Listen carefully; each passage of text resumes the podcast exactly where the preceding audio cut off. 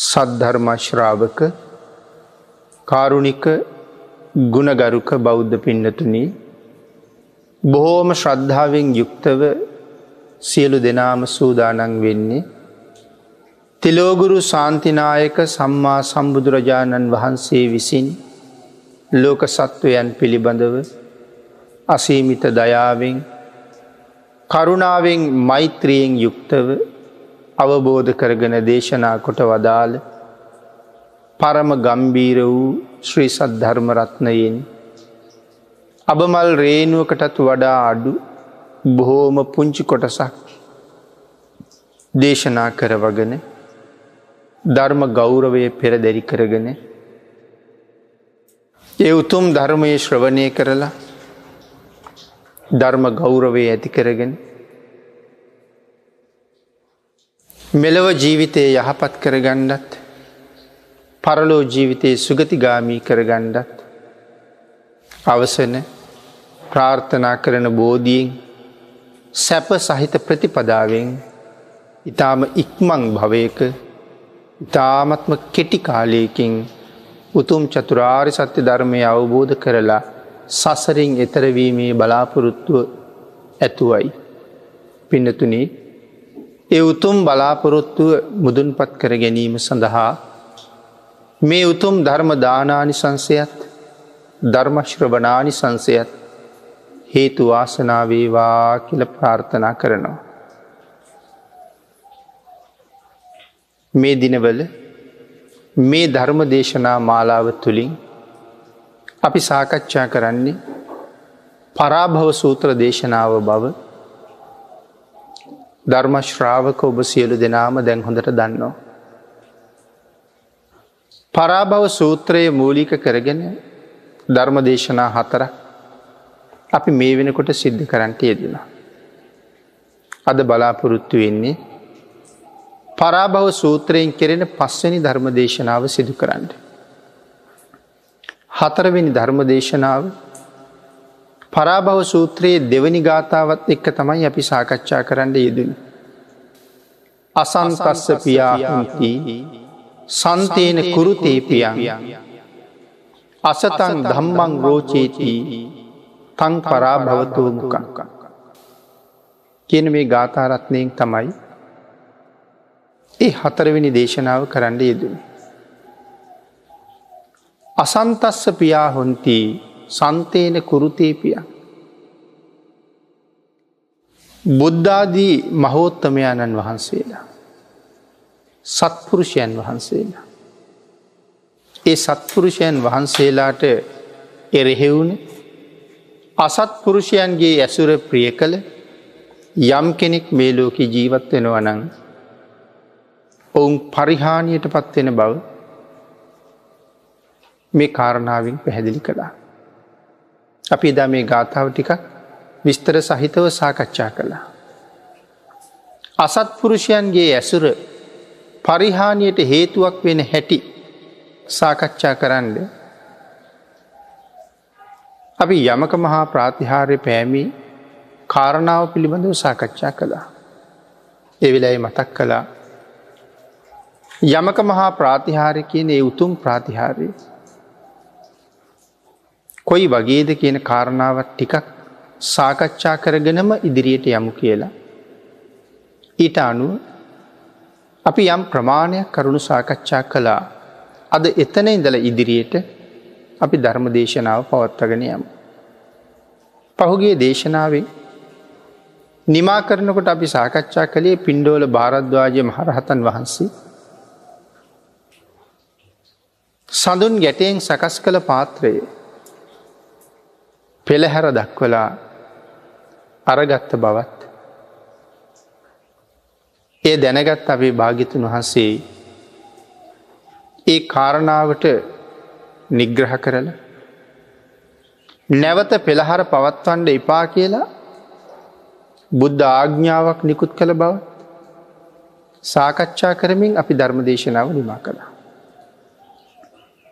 පින්නතුනී අපේ භාග්‍යතුන් වහන්සේ විශේෂයෙන් භික්‍ෂූන් වහසල කැඳවලා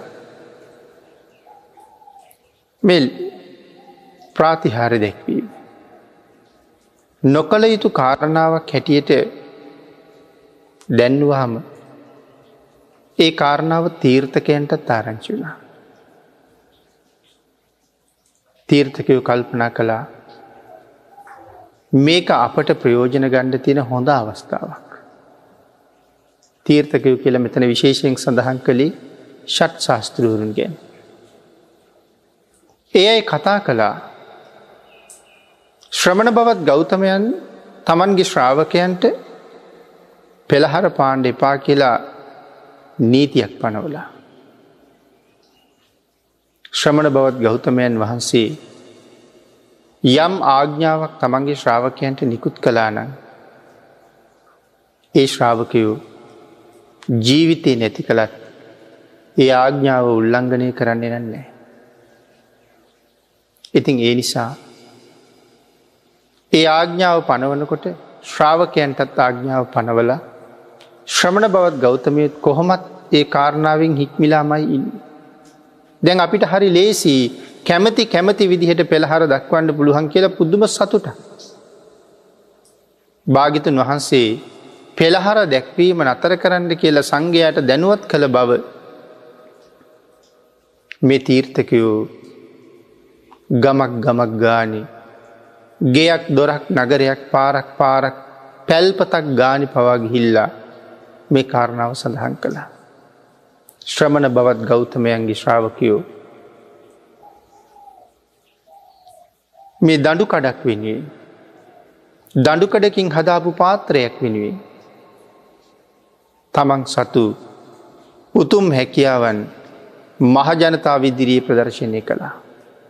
නමුත් ශ්‍රමණ බවත් ගෞතමයන් නුවන ඇති නිසා.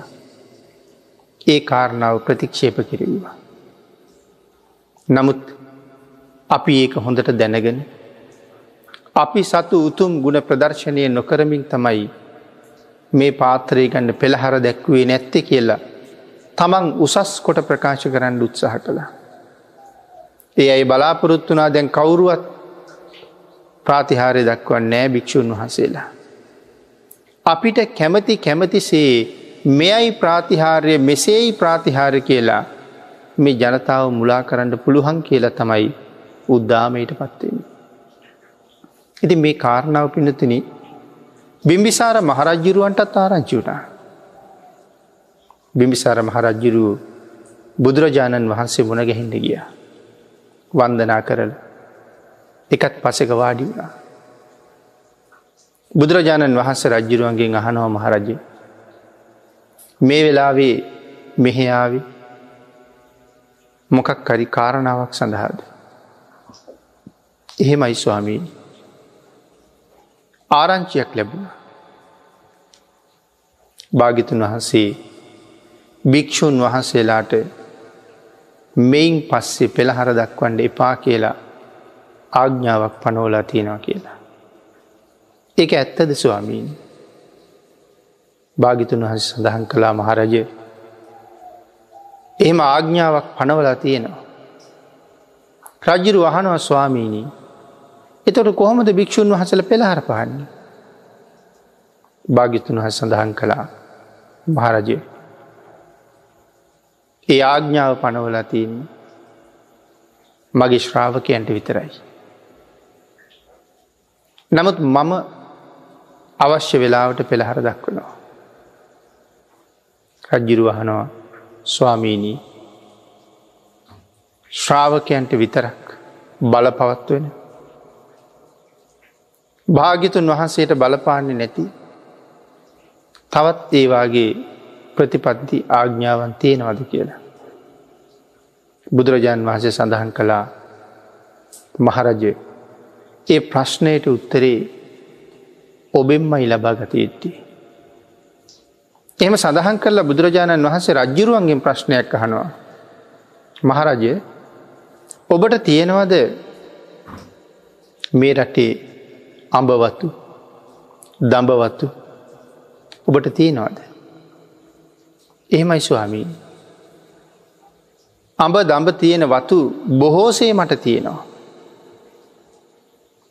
බුදුරජාණන් වහන්සේ හනෝ මහරජය ඔබේ අඹ දඹවතුවලින් අනික් අය අඹ කඩාගෙන කණ්ඩ පටන් ගත්තොත් ඔබ මොකද කරන්න ස්වාමීනී දඩුවන් කරනවා. මහරජ ඒ අඹ දඹ වතුවලින් ඔබ අඹ කඩාගෙන කෑවොත් මොකදද වෙන්නේ. ස්වාමීණි මට ඒක කිසිම හානියක් වෙන්නේ නෑ. මට ඒක ප්‍රශ්නයක් වෙන්නේ නැහැ. එකට හේතුව තමයි ඒ වතු මගේ මගේ අයිතිය යටතේ තියෙන්නේ. මගේ වතුවලින් මම පල නෙලාගෙන අනුභව කලා කියලා මට දඩුවන් කරන්න කෙනෙක් නෑ ස්වාමීන්. බුදුරජාණන් වහස සඳහන් කරනවා මහරජ. ඔබ මේ යොදුන් තුන්සීයක් විතර වෙච්ච. ඔබේ රාජ්‍යයට ඉතරක් යොදුන් තිහක් පමණ වෙච්ච. ඔබේ රාජ්‍යයට විතර අධිපතිය නමුත් මහරජ දැනගණ්ඩ මම මේ කෝටි ලක්ෂයක් සක්වලේම ප්‍රධානය. ඔබේ අඹදඹ වතුවලින් ඔබ අඹ අනුභව කරහම ඔබට දඩුවන් කරන්න කෙනෙක් නෑවගේ මේ මගේ ශාසනයේ මගේ ආග්ඥාව ඉක්මුවන්ට මගේ ශාසනයේ කවුරුවකුත් නැහැ. මේ විශ්ව දහතුයේ මගේ ආග්ඥාව ඉක්මුවන්ට සමත් කෙනෙකුත් නෑ ආග්ඥාව පනවන එක මගේ කාර්යක්. ඒ ආග්ඥාවන් එකක්වත් මට බල පවත්වන්නේ නෑ. භාගිතුන් හස මේ විදිහර කරුණු දැන්ව හම රජ්ජුරුව නිශ්ශබ්දුන්නා. රජරුව පස්සේ දවසක ඇවිල්ලා බුදුරජාණන් වහන්සේගෙන් නැවත අහනවා ස්වාමීනි භාගිතුන් වහන්සේ. භාගිතුන් වහසේ කවදද ප්‍රාතිහාරය දක්වන්නේ. මහරජය මෙයින් හාරමාසයක් ඉක්ම ගියපු තැන ඇසලපුර පසලොස්සක පෝය දවසේ ඒ ප්‍රාතිහාරය දක්වනවා කියලා. ස්වාමිනි කොතනද ප්‍රාතිහාරය දක්වන්නේ. අඹ ගහක් ළඟ. ගණ්ඩබ්බ නං අබරුකක් ල කෙල සඳහන් කළා. පිනතුන මේ කාරණාව නැවත තීර්ථකයන්ගේ කනවැකුණා. තීර්ථකව කල්පනා කළා අපි ඉවරයි. ගැලවෙන්ඩ අතක් නං ඇත්තෙම නෑ අපිට. කොයි පැත්තෙන් ගියත් අපිට පාරවදිනවා. ශ්‍රවණ බවත් ගෞතමියෝ ප්‍රාතිහාර දක්වන් එපා කියලා ආග්ඥාව පැනෙව්වේ ශ්‍රාවකයන්ට විතරයිලු නමුත් ගෞතමයන් වහස ප්‍රාතිහාර දක්වනවලු. මොකක්ද දැන් කරන්නේ. මොකද අපට දැන් වෙන්නේ මෙහෙම කතා කර කර ඉඳලා මේ අය නැවත කුමන්ත්‍රණයක් හැදවා. කුමන්ත්‍රණයක් කරනවා අදින් පස්සේ අපි ශ්‍රමණ බවත් ගෞතමය යන පිටිපස්සෙන් හැම තැනම යමු. එතොට මිනිස්සු අපෙන් අහයි ඇයි භාගිතුන් වහසගේ පස්සෙන් යන්න කියලා. අපි එතකොට කියමු ශ්‍රමණ බවත් ගෞතමය ප්‍රාතිහාරි පානවා කියල කීවා. අපිත් ප්‍රාතිහාරය පාණ්ඩ සූදානන් වෙනකොට දැන් ශ්‍රවණ බවත් ගෞතමය පලායන්ඩයි සූදානන් වෙන්න. ගෞතමයන්ට පලායා නොදී අපි ගෞතමයන් පිටිපස්සෙන් යනවා. ඒ විදිහට කියල මිනිස්සු ආයත් මුලාවට පත් කළා.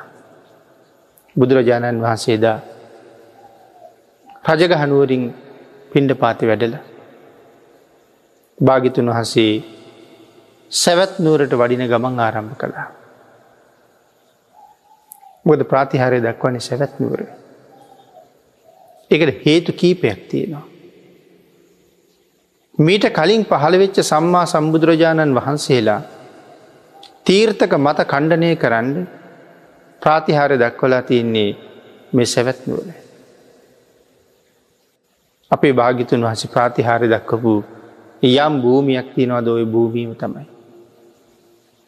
ආගේ නිසයි භාගිතුන් වහසත් එතෙන්ටම වඩින්ට තීරණය කරන්න. තීර්ථක මත කණ්ඩනය කරන්නත් හොඳම තැන්. රැස්වෙන මහජනතාවටත් පහසුවෙන් රැස්වෙන්ඩ පුළුහන් හොඳ භූමියක් එතන තිබුණා. කෙමෙන් කෙමෙන් කාලයේ ගෙවිල ගිය. දැන් හාර මාසයේ ඉක්ම ගිහිල්ල. භාගිතුන් වහසගේ පිටි පස්සෙන් ආපු තීර්ථකයුත් සැවැත් නුවරට මාව. භාගිතුන් වහන්සේ යම් තැනක නතර වෙනවද තීර්ථකයුත් නතර වෙනවා. භාගිතුන් වහසේ විවේක ගන්න තැනක තීර්ථකයුත් විවේක ගන්නවා. ඒ අසල තැනක මෙහෙම මෙහෙම සැවැත් නුවරට මැවිල්ලා. තමන්ගේ දායක කාරකාදීන්ගෙන් සම්මාදන් කරලා. කහවනු දහසක් විතර එකතු කරලා. කිහිරිලීයෙන් ඔවුන් මණ්ඩපයක් හැදවා. ඒ මණ්ඩපේ ඇතුළේ ඉඳල තමයි ප්‍රාතිහාරය දක්වන්න. ප්‍රාතිහාරය දක්වන්නයි මේ මණ්ඩපය හදයි. කොසල් මහරජ්ජුරු බුදුරජාණන් වහන්සගෙන් අහනවා ස්වාමීණී තීර්ථකයෝ නං මණ්ඩපයකුත් හදාගෙන සූදානන්. භාගිතුන් වහන්සේටත් මණ්ඩපයක් අවශ්‍යද කියලා. බුදුරජාණන් වහන්සේ සඳහන් කළා මහරජය ඒ සඳහා කෙනෙක් ඉන්නවා කියලා. ස්වාමීණි භාගිතුන් වහන්සේ ඒ සඳහා මටත් වඩා සුදුසු කෙනා කවුද. භාගිතුන්වන් සඳහන් කලා මහරජය ඒ තමයි සක්‍ර දේවේන්ද්‍රිය. රජ්ජුරු එතනින් හට නිශ්ශබ්ද වුණා. කාලය කෙමෙන් ගෙවිල ගිහිල්ල ඇසලපුර පසුලස්සක පෝය දවස උදා වුණා. උදේ කාලි හැඳ පුරුවගෙන අපේ භාගිතුන් වහස පින්ඩ පාතිර පිටක්තුනා. ප්‍රාතිහාරය දක්වන දවස. තීර්ථකයෝ සූදානන් විශාල ජනකායක් රැස් වෙලා.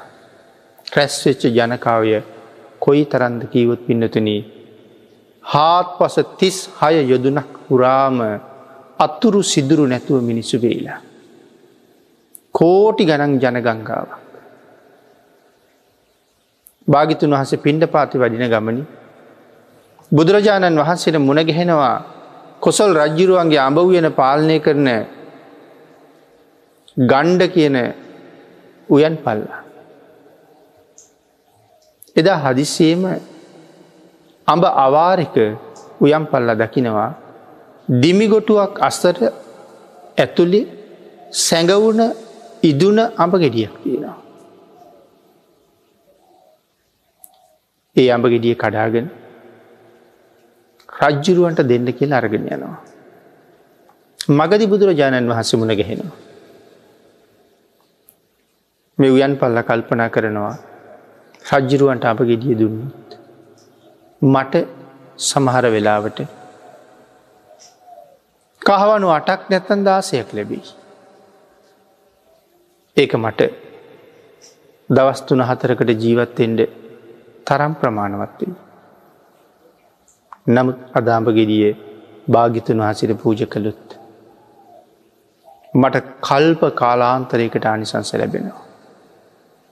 ඒ නිසා අවාරයේ ලැබිච්ච මේ අඹ පලය තිලෝගුරු භාගිතුන් වහන්සේ උදෙසාමයි සුදුසු කියල හිතල ගිහිල්ල බුදුරජාණන් වහන්සේට පූජ කළා. අපේ බුදුරජාණන් වහන්සේ පූජ කරන්න ලෑස්තිනකොට ආනන්දයන් වහසගේ මුව මඩල දිහා බැලිවා. සතරවරං දෙවි මහරජෝරු භාගිතුන් වහසට පූජා කළ මුක්කවරණ පාත්‍රයේ ආනන්දයන් වහන්සේ බුදුරජාණන් වහන්සේගේ ශ්‍රී හස්ත ධාතුව මත තිබ්බා. භාගිතුන් වහසේ අපගෙදිය පිළිගත්තා.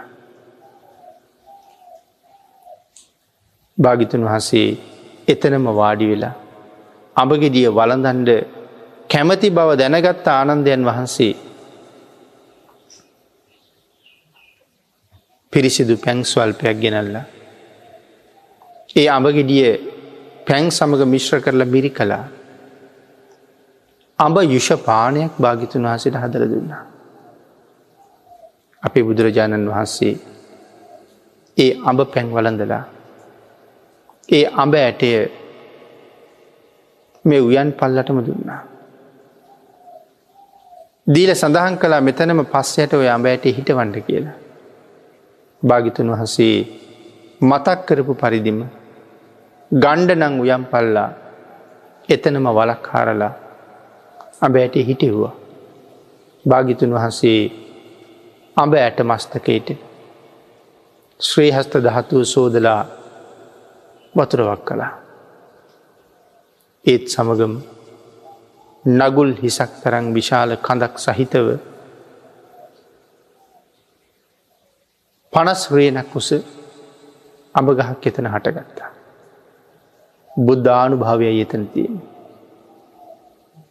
ඒ අඹගහේ හාත් පස හතර පැත්තර විහිදුන අතු හතරක් තියෙනවා ඒ හතුරම පනස්්‍රේණ පනස්්‍රේණ පැතිරිලා ගිහිල්ලා. ඉහලටත් තව තනි අත්තක් විහිදිලා ගිහිල්ල තියෙනවා එයත් පනස්්‍රියන කුසයි. මේ අඹ හළඟ තමයි බුදුරජාණන් වහන්සේ ප්‍රාතිහාර දක්වන්න. ඒ කාරණාවත් නුවර පුරාම ආරංචුනා රජ්ජිරුවන්ටත් ආරංචුනා මොකද පින්නතුනි භාගිතන් වහසේ අඹගහක් ළඟයි ප්‍රාතිහාරය දක්වන්නේ කියන කාරණාව ආරංචුන හම තීර්ථකයෝ තමන්ගේ පිරිසත් අනගහගන ගව් හතරක හතරක ප්‍රමාණී සැවැත් නුවර වටී. තියෙන සියලු මඹගස්. එදා පැළවෙච් චාබෑට පවා ගලෝල විසි කළා. ප්‍රාතිහාරය දක්වන්ට තැනක් නැතිවෙන්ට. දැන් එතකොට මේ ගණ්ඩ කියන අඹරුක මෙතන තියෙනවා. තීර්ථකව එකත් කපලදායිද. පිනතින එක තීර්ථකයන්ට කපන්ඩ බැහැ. මොකද තීර්ථකය ලංගුණ අඹගහපේ නැතුවෙනවා. නමුත් රජ්ජුරුව එහෙම හිතලා රාජකීය පිරිසක් ආරක්ෂාවට යෙදවා. දැන් අද පෙළහර දක්වන දවස. මෙතනින් වඩින භික්‍ෂූන් වහන්සේලා මේ ගහෙන් අඹ වලඳලාම වඩිනවා. මොකද පිඩතුනේ පනස් රියන් තරන් උසට අඹගහ වැඩුණ විතරක් නෙමෙයි. ඒ අඹ ගහේ මලුත් තියෙනවා ගෙඩික් තියෙනවා. ඒ අතර දළු අඹත් තියෙනවා. පැහුණු අබත් තියෙනවා. කිරිවැදනු අබත් තියෙනවා ඉදනු අබත් තියෙනවා. මේ අඹ ගහළඟට දූර්තය වෙනවා. සුරා දූර්තයෝ අදි දූර්තය ඇවිල්ලා. වැටුනා බහුලගෙන කාලා අඹ ඇටවලින් තීර්ථකයන්ට දාලගහනවා. අඥ්ඥානුබලා රටේ තිබිච්ච විශාල අඹගස් ප්‍රමාණයක් කපල විනාශ කළා. ඒ අපේ භාගිතුන් වහසේට පෙළහර දක්වන්ඩ අඹරුකක් ඉතුරුණ කරන්න. නමුත් දැනගනිල්ලා ඒ වෙනුවෙන් අඹගහක් පහළ වෙලයි තියන්නේ. මේ ඒ අඹගහේ පලකාපු ඇට ඒ යට දාලා තීර්ථකයන්ට ගහන්න. මෙන්න මේ වෙලාවී සක්‍ර දේවේන්ද්‍රයන් වහන්සේ වාත වලාහක දෙවියන්ට කතා කළා. කතා කරල කියනවා තීර්ථකයන්ගේ මණ්ඩ පෙව්ගුලුවන්ට කියලා. මහ හුළඟක් හමල ඇවිල්ලා. අර මණ්ඩපයේ හුළඟ වෙලිල මණ්ඩපය ඔසවලා කහල්ගොඩටම විසි කළා. සක්‍රදිවී සඳහන් කළා තීර්ථකයන් තැවෙන්ඩ දැඩි හිරුරශ්මියක් පතිත කරන්න කියලා. සූරය දිවිරාජයා දැඩි තාපයක් මුදාහරින වෙලාවී වාත වලාහක දෙවියෝ නැවත වතාවක් ඒ ප්‍රදේශයේ දූවිල්ලෙන් කැළඹෙව්වා. තීර්ථකයන්ගේ ශරීරයේ පුරාම දූවිලි හරියට තඹ පාට හුඹස් වගේ. මේ මොහොතේ වැස්ස වලාහක දෙවියෝ සාමාන්‍ය පොද වැස්සක් මහපොලෝට වැට්ටුවා. දැන් අර තීර්ථකයන්ගේ මුළු ශරීරයම දූවිල්ලෙන් වැහිලා ඇගේ දූවිලි මිදිලා තැන්තැන් තැන්තැන් වල වැහි බින්දි වැටුන හම හරිට නිකං කබර රෝගීක්වාගේ. තීර්ථකයෝ දැනගත්තා තවත් නං ගැලවෙන්ඩ ක්‍රමයක් නෑ. අවමානයෙන් මිදෙන්ඩ විදිහක් නෑ. එනිසා හිස් ලූලූවත සීසීකට දිව්ව කෙල සඳහන් කරන. පූර්ණ කාශ්‍යපාදී ශාස්තෘවරු දුවගන යනකොට. පූර්ණ කාශ්‍යපයන්ගේ දායකෙක් තමන්ගේ ශාස්තෘන් වහන්සේලගේ ප්‍රාතිහාරය දැක බලා ගණ්ඩ.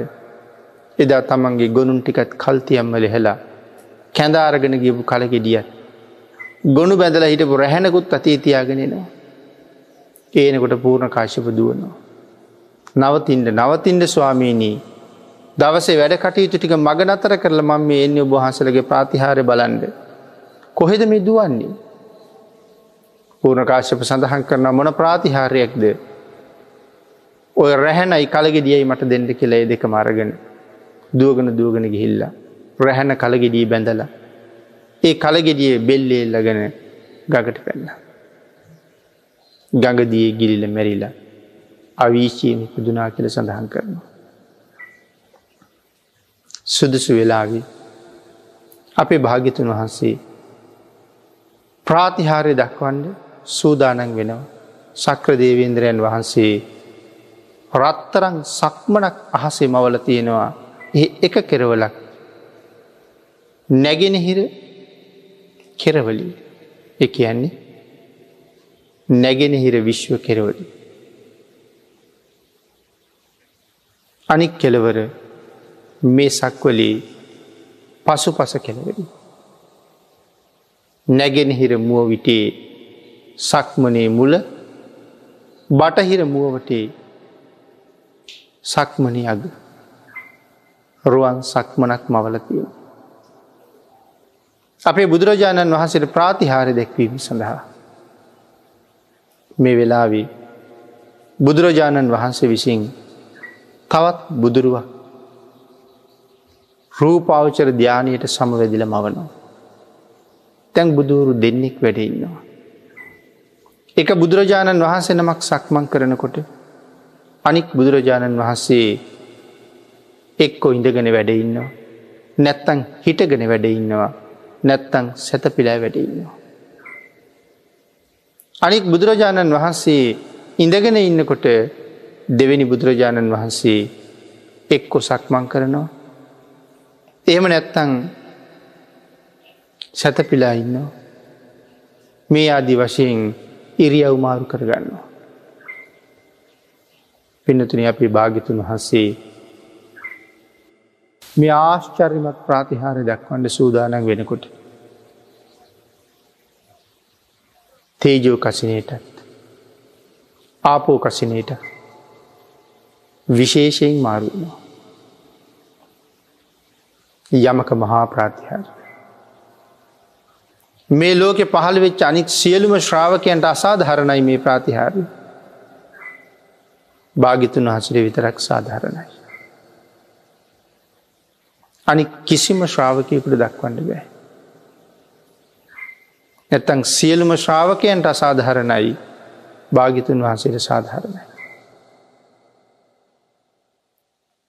නමුත් භාගිතුන් වහසේ ප්‍රාතිහාරය දක්වන්ඩ ලෑස්ති වෙනකොට එක අනාගාමී උපාසිකාවක් හිටියා ගරණි කියලා. මේ ගරණි උපාසිකාව බුදුරජාණන් වහන්ස ළඟට ඇවිල් අහනවා ස්වාමී නිභාගිතුන් වහන්සේ. මං වගේ උපාසිකාවක් ඉන්නකොට. මෙවන් ප්‍රාතිහාරයක් දක්වන්න භාගිතුන් වහසේ මොකට වෙහෙසෙනවද ස්වාමීනි මං ප්‍රාතිහාර දක්වන්නම් භාගිතුන් වහස විවේකිව වැඩඉන්න කියලා. ඉතින් බුදුරජාණන් වහන්සේ මේ අනාගාමින් වහන්සගේ අහනවා කොයි විදිහටද ප්‍රාතිහාරය දක්වන්න කියලා. උන්වහස සඳහන් කරනවා මෙන්න මෙවන් වූ ප්‍රාතිහාරයක් දක්වන්න. බුදුරජාණන් වහන්සේ අගේ කරන. ඇය සඳහන් කරනවා ස්වාමීණී භාගිතුන් වහන්සේගේ සිව්වනක් පිරිසේ කාන්තාවකටත් මෙහෙම කරන්න පුළුවන්නම්.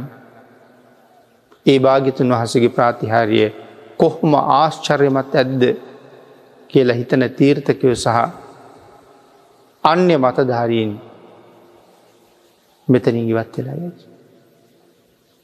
නමුත් භාගිතුන් වහ සඳහන් කළා මේ ප්‍රාතිහාරය මා විසින්ම කළ යුත්තා. එනිසා එය මමම දක්වන්නම් කියලා.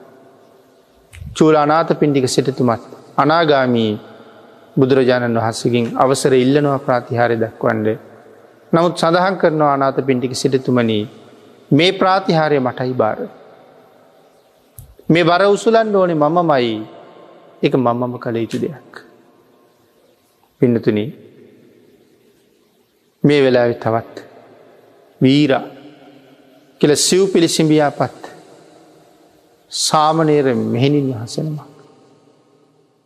රහත් මෙහෙණින් වහන්සේ නමක් බුදුරජාණන් වහන්සේගෙන් අවසර ඉල්ලනවා ප්‍රාතිහාරය දක්වන්ට. ඇගේ ප්‍රාතිහාරය ගැන අහල සතුටු වෙලා ඇයට ප්‍රසංසා කරලා නමුත් මේ ප්‍රාතිහාරය මමම දැක්විය යුත්තක් බෞදේශන කළා. සිව්පිලි සිඹියාපත් චුන්ද කියන සාමනේර රහතන් වහන්සේ බුදුරජාණන් වහන්සේගෙන් අවසර ඉල්ලනවා ප්‍රාතිහාරය දක්වන්ට. ප්‍රාතිහාරය කිනම්ද කියලා හලා පෙර අයට සඳහන් කළ විදිහටම දේශනා කළා. චුන්ද මේක මාවිසින් කළ යුතු ප්‍රාතිහාරය. ඒ මමම දැක්විය යුතුයි කියලා. ඉන් පස්සේ උත්පලවන්නා රහත් මෙහෙණින් වහන්සිත් අවසර ඉල්ලනවා. අපේ ශාසනයේ ඉර්දි ප්‍රාතිහාරය දක්වන්න උන්න අතර අග්‍රස්ථානය දරන. මහමුගලන් මහරහතන් වහන්සේ ගිහිල්ල බුදුරජාණන් වහන්සේට මතක් කරනවා ස්වාමීණි භාග්‍යතුන් වහන්සේ මටනං අවසර දෙන්න ඕන මේ ප්‍රාතිහාරය දක්වන්ට. භාගිතුන් වහන්සේ අහනව මොග්ගල්ලානෑ කිනම් ප්‍රාතිහාරයක් ඔබ දක්වනවාද. උන්වහස සඳහන් කරනවා ස්වාමීණී යොදුන් එක් ලක්ෂ හැටාට දහක් කුස මේ මහා පරුවත රාජයා. බැදල තියෙන මුං ඇටයක් කටේ දාලා හපනවා වගේ මං කටට අරං හපනවා කියලා. පර්වත රාජය කටට දාලා හපනවා කියල දේශනා කළා. කන්ද අනුභව කරන්නම් කියලා. නැවත සඳහන් කරනවා ස්වාමීණී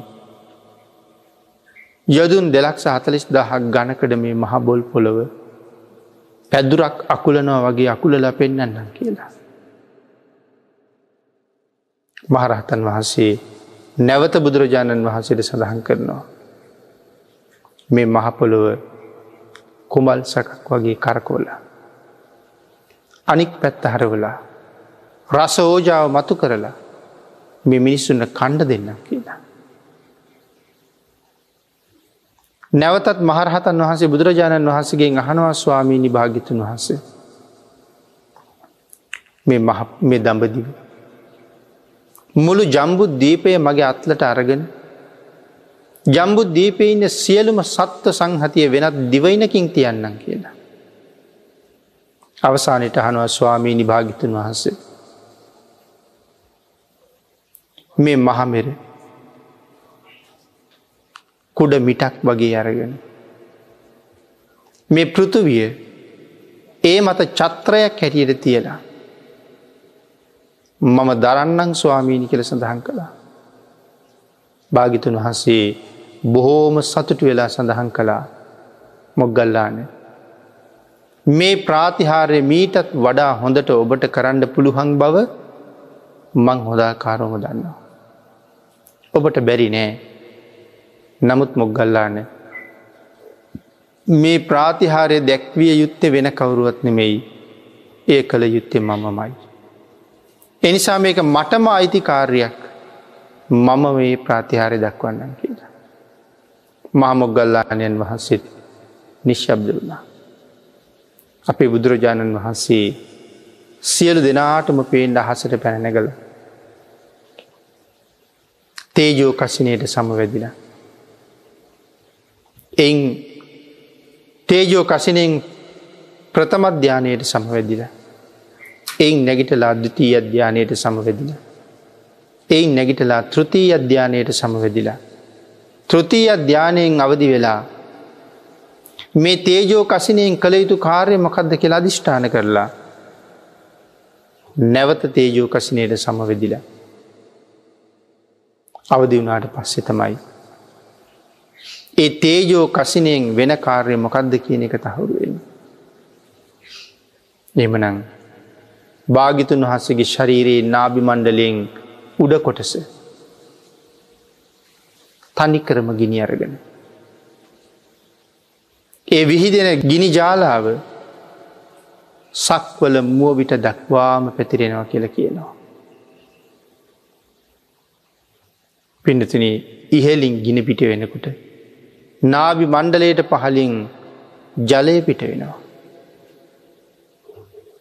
මේ විදිහට භාගිතුන් වහන්සේ සමාධියෙන් සමාධියයට මොන තරං වේගෙන් සමවදින් ඇද්ද මේ ප්‍රාතිහාරය දක්වන්ට. බුදු කෙනෙක් හැර වෙන කෙනෙකුට ඒ එසේ කරන්න නොහැකිමයි. ආපෝ කසිනයෙන් ජලය විහිදෝන තේජෝ කසිනයෙන් ගිනිපිට කරනවා. නමුත් ධ්‍යානයෙන් ධ්‍යානයට ධ්‍යානයෙන් ධ්‍යානයට සමවදින්දුවන. අපිට හිතෙන්නේ ලොකු වැඩක් වෙන්දයි කියලා.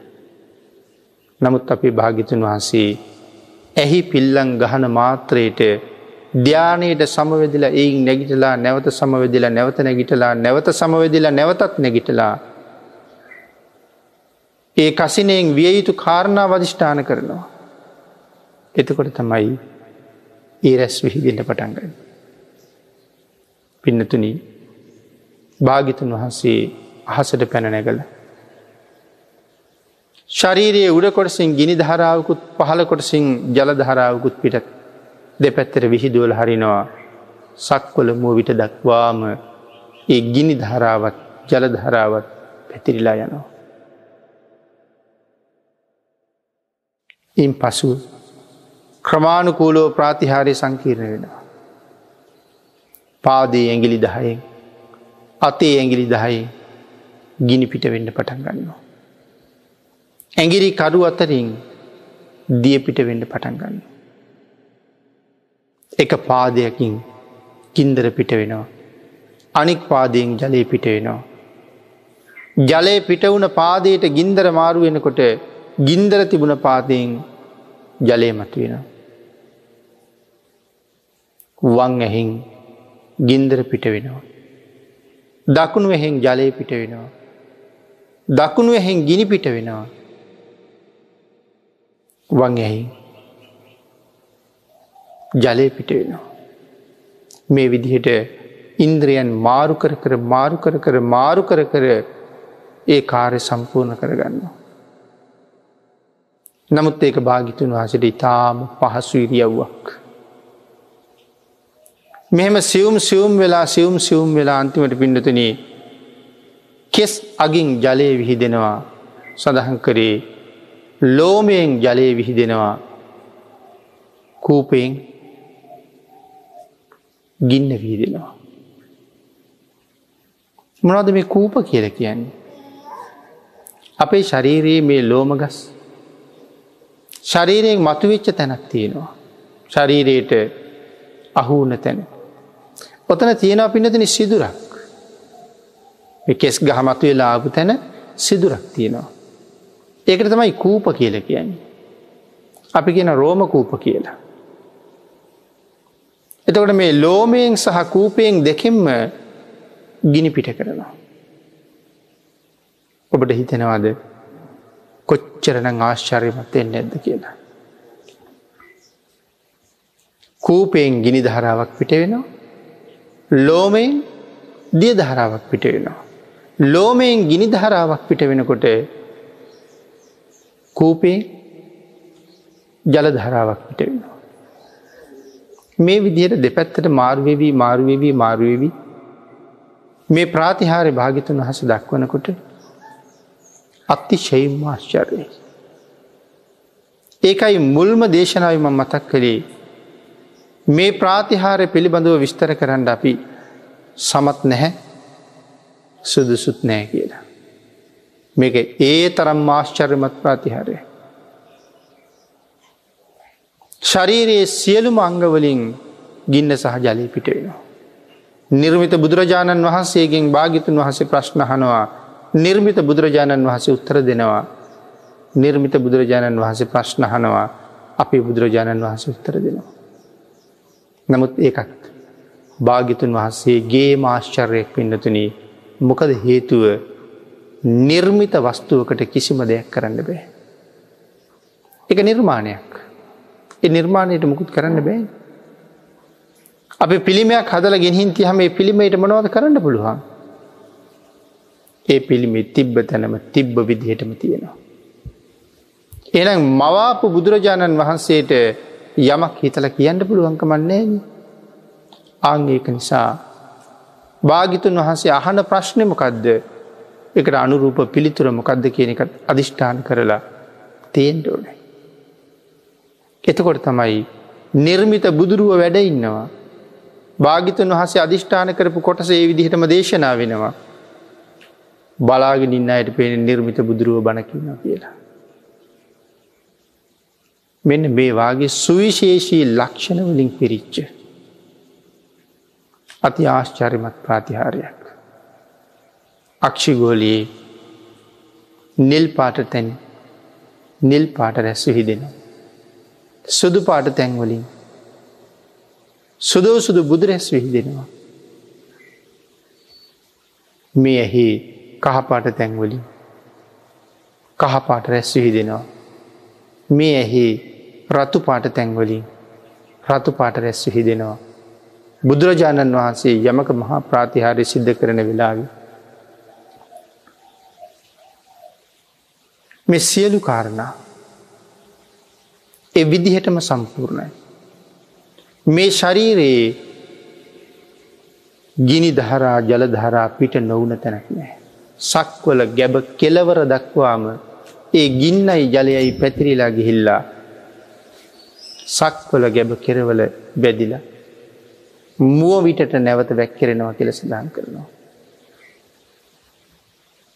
මේ ආශ්චර්යමත් ප්‍රාතිහාරය දක්වලා අපේ බුදුරජාණන් වහන්සේ සියලු තීර්ථක මත කණ්ඩනය කරලා. දෙවියන් ප්‍රීතියට පත් කරල. මිනිසුන් ප්‍රීතියට පත් කරල. ප්‍රීතියෙන් අමන්දා නන්දයට පත් කරවලා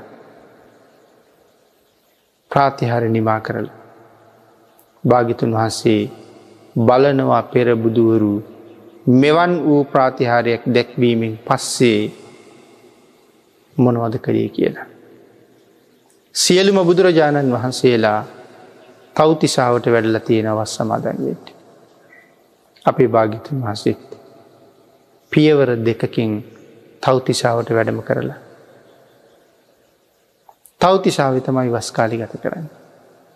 පියවර දෙකකින් වඩිනව කියල කියහම්. මහමෙර මුදුනෙ තමයි තෞතිසා භවනතියෙන් භාගිතුන් වහන්සේ තෞතිසා භවන ඇතුළට වඩින්ට නෙමෙයි මහමෙර මුදුනට වඩිනකොට තමයි පියවර දෙකක් පාවිච්චි කරන්නේ තුන්වෙනි පියවරින් තෞතිසා ඇත. ඇති මේ විදිහට වැඩම කරන.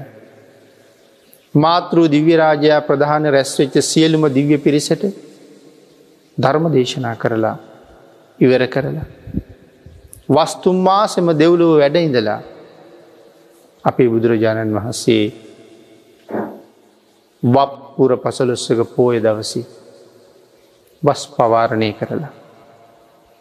සක්‍ර දේවේන්දරයන්ට කරුණු දක්වලා දෙවියන්ට පින් අනුමෝදන් කරලා. තීරණය කරනවා දැන් මා මනුලවට යායුතු කාලයයි කියල. සක්‍ර දේවේන්ද්‍රයන්ට දැන්වාම අති ආශ්චර්මත් ප්‍රාතිහාර ජනක පෙරහැරකින් භාගිතුන් වහන්සේ සංකස්සපුර දවාරයට වැඩම කරවන්ඩ කටයුතු සංවිධානය කරල තිබුණා. පින්නතුනී වචනයෙන් කියල සාකච්ඡා කරලා ඉවර කරන්න බැරි අති ආශ්චර ජනක යමක මහා ප්‍රාතිහාරය පිළිබඳව අපේ ශක්ති ප්‍රමාණයෙන් සාරාංස වශයෙන් ඉතා කුඩා කරුණු ටිකක් තමයි සිහිපත් කරන්න යෙදී. පිනතුනේ දේශනාව සඳහන් කළා බුද්ධාදී මහෝත්තමයන් වහන්සේලට පිටුපාල් පාප මිත්‍රයන්ගේ පැත්තට හැරිලා යම් කෙනෙක් කටයුතු කරනවන ඔවුන් ඒ කාන්තයෙන් නිරේගාමී වෙනයි මිත්‍යා දෘෂ්ටි ගත්තයි එවිතරක් නෙමෙයි නැවත සඳහන් කරනවා යම් කෙනෙක් අසත් පුරුෂයන්ගෙන් මිදිලා සත්පුරුෂය ඇසුරු කරනවා නම් ඒ මෙලවත් දියුණුවට පත්වෙනවා පරලොවට පරලවත් දියුණුවට පත්වෙනවා. නමුත් යමෙක් සත්පුරුෂයන්ගෙන් ඇත්වෙලා අසත්පුරුෂ ආශ්‍රයෙන් කටයුතු කරනවා නම් ඔවුන්ගේ මෙලොව පරලොව දෙකම පරිහානියට පත්වෙනවා කියලා දේශනා කොට වදාලා. ඔය කරුණ පැහැදිලි කරන්න තමයි යමක මහා ප්‍රාතිහාරි පිළිබඳව කරුණු දැක්ම. යම් තීර්ථක සමුදායක් හිටියනං ඒ සියලු දෙනාමත් පාපමිත්‍රය. ඒ සෑම පාපමිත්‍රයෙක්ම තමන් වටයින්න යම් පිරිසක් ඉන්නවාද ඒ සියලු දෙනත් අරගනම නිරේට යන දවස යනවා. ආංඒක නිසා පාපමිත්‍රයන්ගෙන් ඇත්තලා කල්්‍යාන මිත්‍රව ඇසරු කරන එක මොන තරංවල් ලාභයක්ද. කල්්‍යයාන මිත්‍රයන්ගේ ඇසුර කවදාවත් දුකක් බවට පත්වෙන්නේ. අපේ භාගිතුන් වහන්සේ මේ දෙවනි ගාතාරත්නය අසන්තස්ස පියා හොන්ති සන්තයන කුරුතේපියන් අසත්පුරුෂයන්ගෙන් ඇත්වෙලා සත්පුරුෂය ඇසුරු කරන්න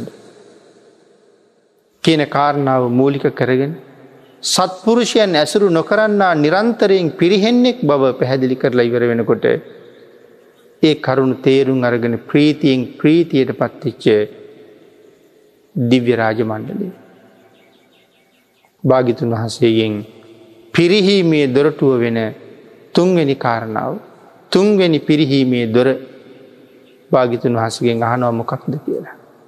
හරියට නිකං අහන්ඩ තියෙන උනන්දුව කොහොමද කියල සඳහන් කරනවා. රුපියල් ලක්ෂයක් වටින බඩුවක්. රුපියල් දහසකට ගත්හම තවත් එවන් බඩු ගණ්ඩ තියෙනවාද කියලා බොම උද්‍යෝගයෙන් උද්දාමයෙන් තමයි වෙලෙන්දයිවන් බඩුහයන්. ලක්ෂයක් වටින බඩු දහසකට අරගෙන. අපේ භාගිතුන් වහන්සේගෙන් ආගේ තරම් උද්දාමයෙන් තමයි යහන්නේ ස්වාමීනී තුන්ගෙන කාරණාවත් පිරිහීමේ දොරටුවත් දේශනා කරන සේක්වා කියලා. පින්නතුනී අපි ඊළඟ ධර්ම දේශනාවේදී. මෙ තුන්වෙනි කාරණාව සාකච්ඡා කරම තුන්වෙනි ගාථාරත්නය අදට ධර්ම දේශනාව මෙතනින් නිමා කරන්න බලාපොරොත්තු වෙන. අසත් පුරුෂයන් ඇසුරු කරන හැම කෙනෙක්ම සතරාපාය උපදිනවා. සත්පුරුෂයන්ගේ ඇසුර ලබනයි සුගතියෙන් සුගතියට ගමන් කරනවා කියන කාරණාව විශේෂයෙන් සෙහිපත් කරමින් අසත් පුරුෂ ඇසුර පරිහානියේ දොරටුවක් කියල දේශනාකට වදාලා.